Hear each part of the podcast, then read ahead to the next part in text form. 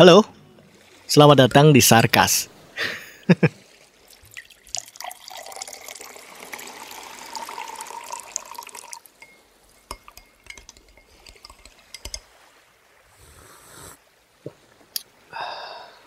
Ini akan menjadi podcast yang paling dalam mungkin. Jadi gini, aku mau cerita mengenai apa ya? Sebenarnya aku mau menceritakan tentang sebuah kisah sih, sebuah kisah yang memang pure dari aku sendiri. Dan tujuan aku menceritakan ini untuk sebagai bukan pembelajaran juga bukan. Ya apa ya? iseng aja sih mungkin ya. Selagi iseng, kalaupun misalnya itu ada sesuatu yang bermanfaat untuk kamu, ya silahkan diambil. Jadi cerita ini adalah ketika aku bertemu dengan seseorang aku panggil dia si putih. Oke, okay, karena memang satu kulitnya putih. ya, namanya si putih. Nah, ketika itu aku jadi maba nih, jadi maba. Jadi maba pertemuan kita pertama kali itu aku dan dia itu ketika di salah satu gedung yang ada di kampus satu itu kan ada kayak pertemuan tiga hari di situ sebagai mahasiswa baru. Kemudian aku pertama kali masuk ke ruangan itu dan pertama kali lihat dia di depanku dan dia posisinya di depanku paling depan ya. Aku di urutan kedua tapi di slot sampingnya gitu, slot samping gitu, deretan sampingnya tapi aku slot apa nomor tiga gitu kan. Aku ngeliat dia nih, ngeliat dia dan dia ngeliat aku waktu itu. Kala itu pikiranku adalah ini cewek kok sadis banget. Sadisnya kenapa? Karena dia ngeliatin aku tajam banget waktu itu. Kayak bener-bener tajam gitu. Kayak orang sinis kayak orang marah waktu itu. Dan kemudian itu nggak cuman sekali dua kali loh. Berkali-kali loh. Di hari pertama hari kedua sama hari ketiga.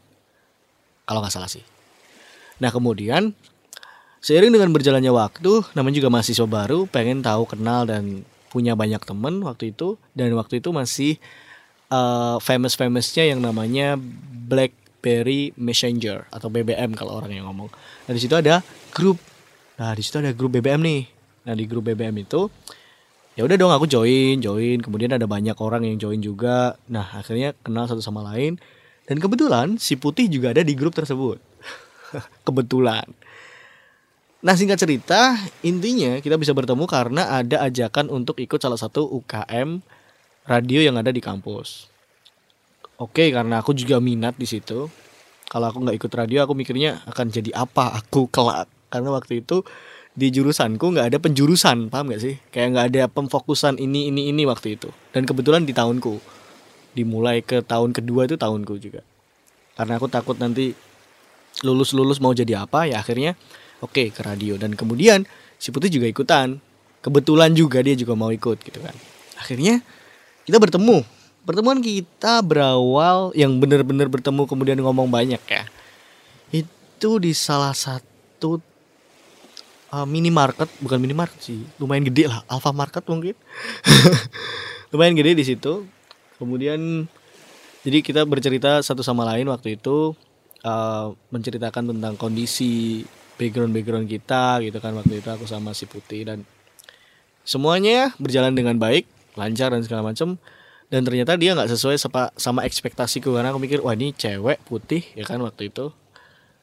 Biasanya ya cewek putih cantik ya maksudnya. Cewek putih cantik kan terus apa lirikannya aja tajam kayak gitu pasti orangnya susah dideketin. Dan aku tuh bukan takut sih kayak menghindari perempuan-perempuan seperti itu gitu loh.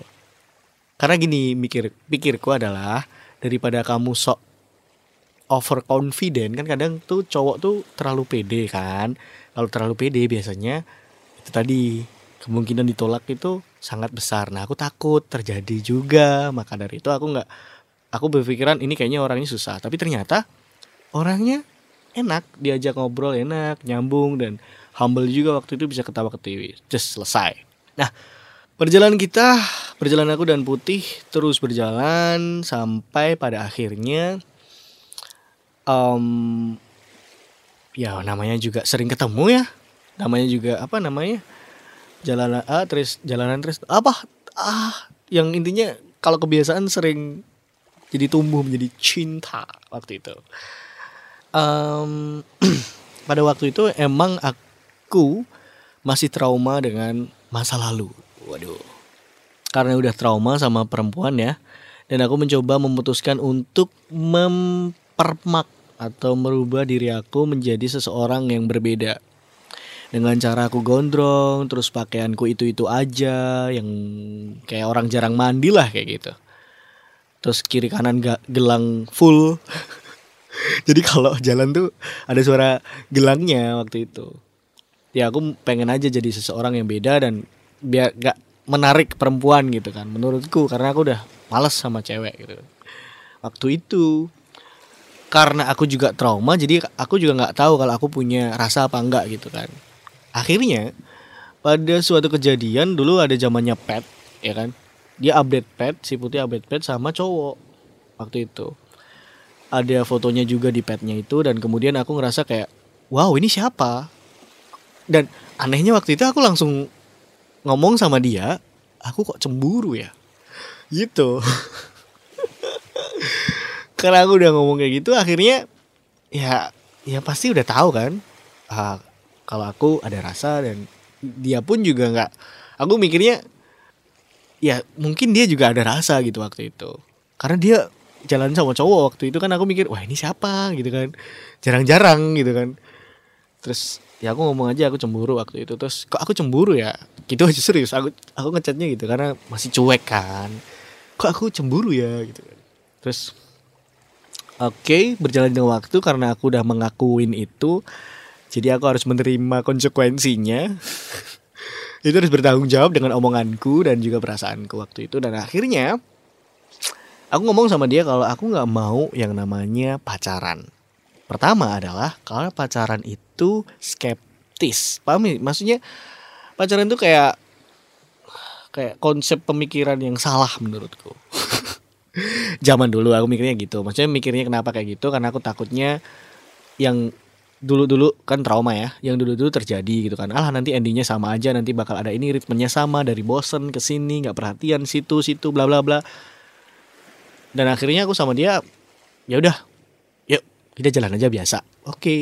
dan kita saling menyadari ya satu sama lain punya perasaan waktu itu hingga akhirnya itu berjalan sampai beberapa bulan lah enam bulanan lebih kayak hingga akhirnya ada peristiwa yang menurutku bukan menyebalkan sih tapi ya kok ya ada aja gitu peristiwa itu.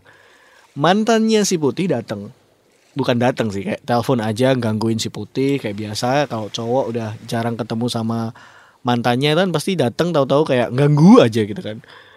Kemudian sampai akhirnya pada taraf yang ganggu banget akhirnya aku yang aku yang ngangkat teleponnya kala itu. Kala itu aku ngangkat teleponnya dan kemudian aku ngomong dia ngomong gini kamu siapa? Kamu siapanya si putih? Gitu dia bilang gitu kan. Terus aku ngomong aku langsung refleks nih aku pacarnya. Gitu. Karena biar dia nggak ganggu gitu kan. Aduh mengganggu mengganggu. Nah kala itu karena aku mikirnya kalau mau nembak cewek itu harus ada sesuatu yang harus di kayak jadi simbolis gitu lah ya kan? Budayanya kayak gitu.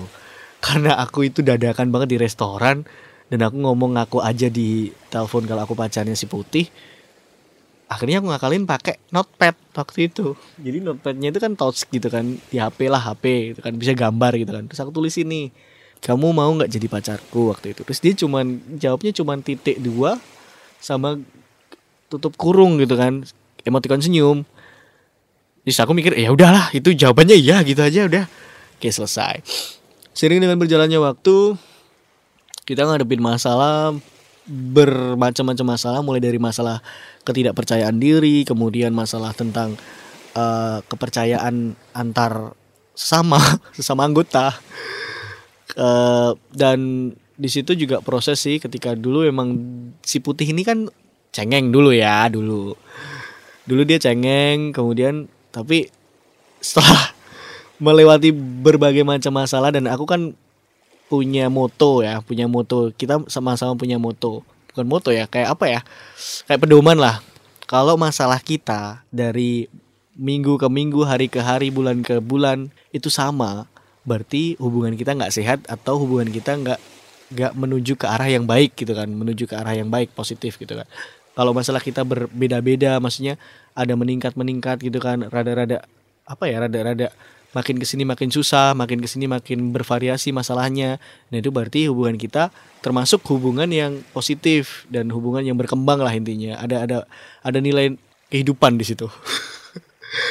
Itu keyakinanku sama si putih. Nah kemudian setelah itu karena kita setiap ada masalah kita bisa selesaikan akhirnya setiap ada masalah itu misal kita katakanlah satu minggu sekali itu bertemu atau enggak sebulan sekali itu bertemu untuk bikin pedoman. Jadi kayak bukan pedoman sih kayak perjanjian bukan perjanjian juga kayak kesepakatan lah. Oh ini kalau misalnya ada masalah ini kita harusnya kayak gini. Oh ya kalau misalnya ada masalah ini kita harusnya kayak gitu. Sebegitunya agar kita paham kesibukan masing-masing waktu itu. Ya namanya juga hati kan I know ketika hati dicampur dengan logika ya kayak gitu. Maksudnya di hati kita pengennya ketemu tapi logikanya kayak gini gitu kan. Jadi waktu itu ada kayak setiap mau ngapain setiap ada keputusan ke depan itu pasti ada kesepakatan dulu bersama. Nah kemudian tiba saatnya ada masalah yang memang um, kita nggak bisa menyelesaikan ti, uh, dengan dengan mudah gitu. Kita tidak bisa menyelesaikan dengan mudah. Yang biasanya bisa kita selesaikan dengan mudah apa pun kita sikat ibaratnya. Jadi masalah ini cukup cukup cukup cukup besar dan juga melibatkan berbagai banyak pihak waktu itu. Nah kemudian karena waktu itu aku juga shock dengan hal itu dan akhirnya aku memutuskan untuk eh dia ya dia yang menawarkan kemudian aku mengiyakan gitu kan dan akhirnya kita selesai waktu itu. 2000 eh gak sih? Lupa aku. Ya sekitar situlah. Kemudian karena selama beberapa tahun aku sama si putih jadi aku ngerasa bukan ketergantungan sih.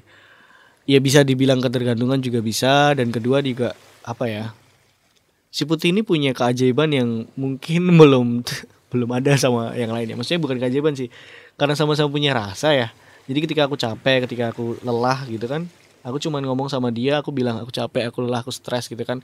Dia cuma ngomong dua kalimat aja sabar istighfar itu aja. Itu udah kayak sejuk aja gitu di hati. Oh ya udah aku ada rumah nih buat kembali ketika aku ada masalah. Ketika aku ngerasa kayak wah banyak masalah pusing dan segala macam dia kayak bukain pintu gitu loh.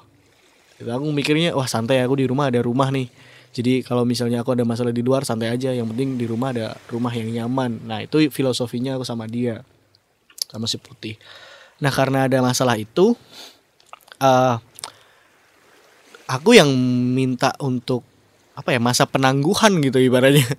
Aku minta masa penangguhan untuk menyesuaikan diri agar jadi nggak langsung tek gitu kan kan nggak bisa kan dulunya bareng terus tahun-tahunnya besoknya bus lost kontak gitu kan nggak bisa nah akhirnya uh, kita mencoba untuk ya tadi mencari kesepakatan ya kan? Kesepakatan aku waktu itu minta tiga bulan kalau nggak salah.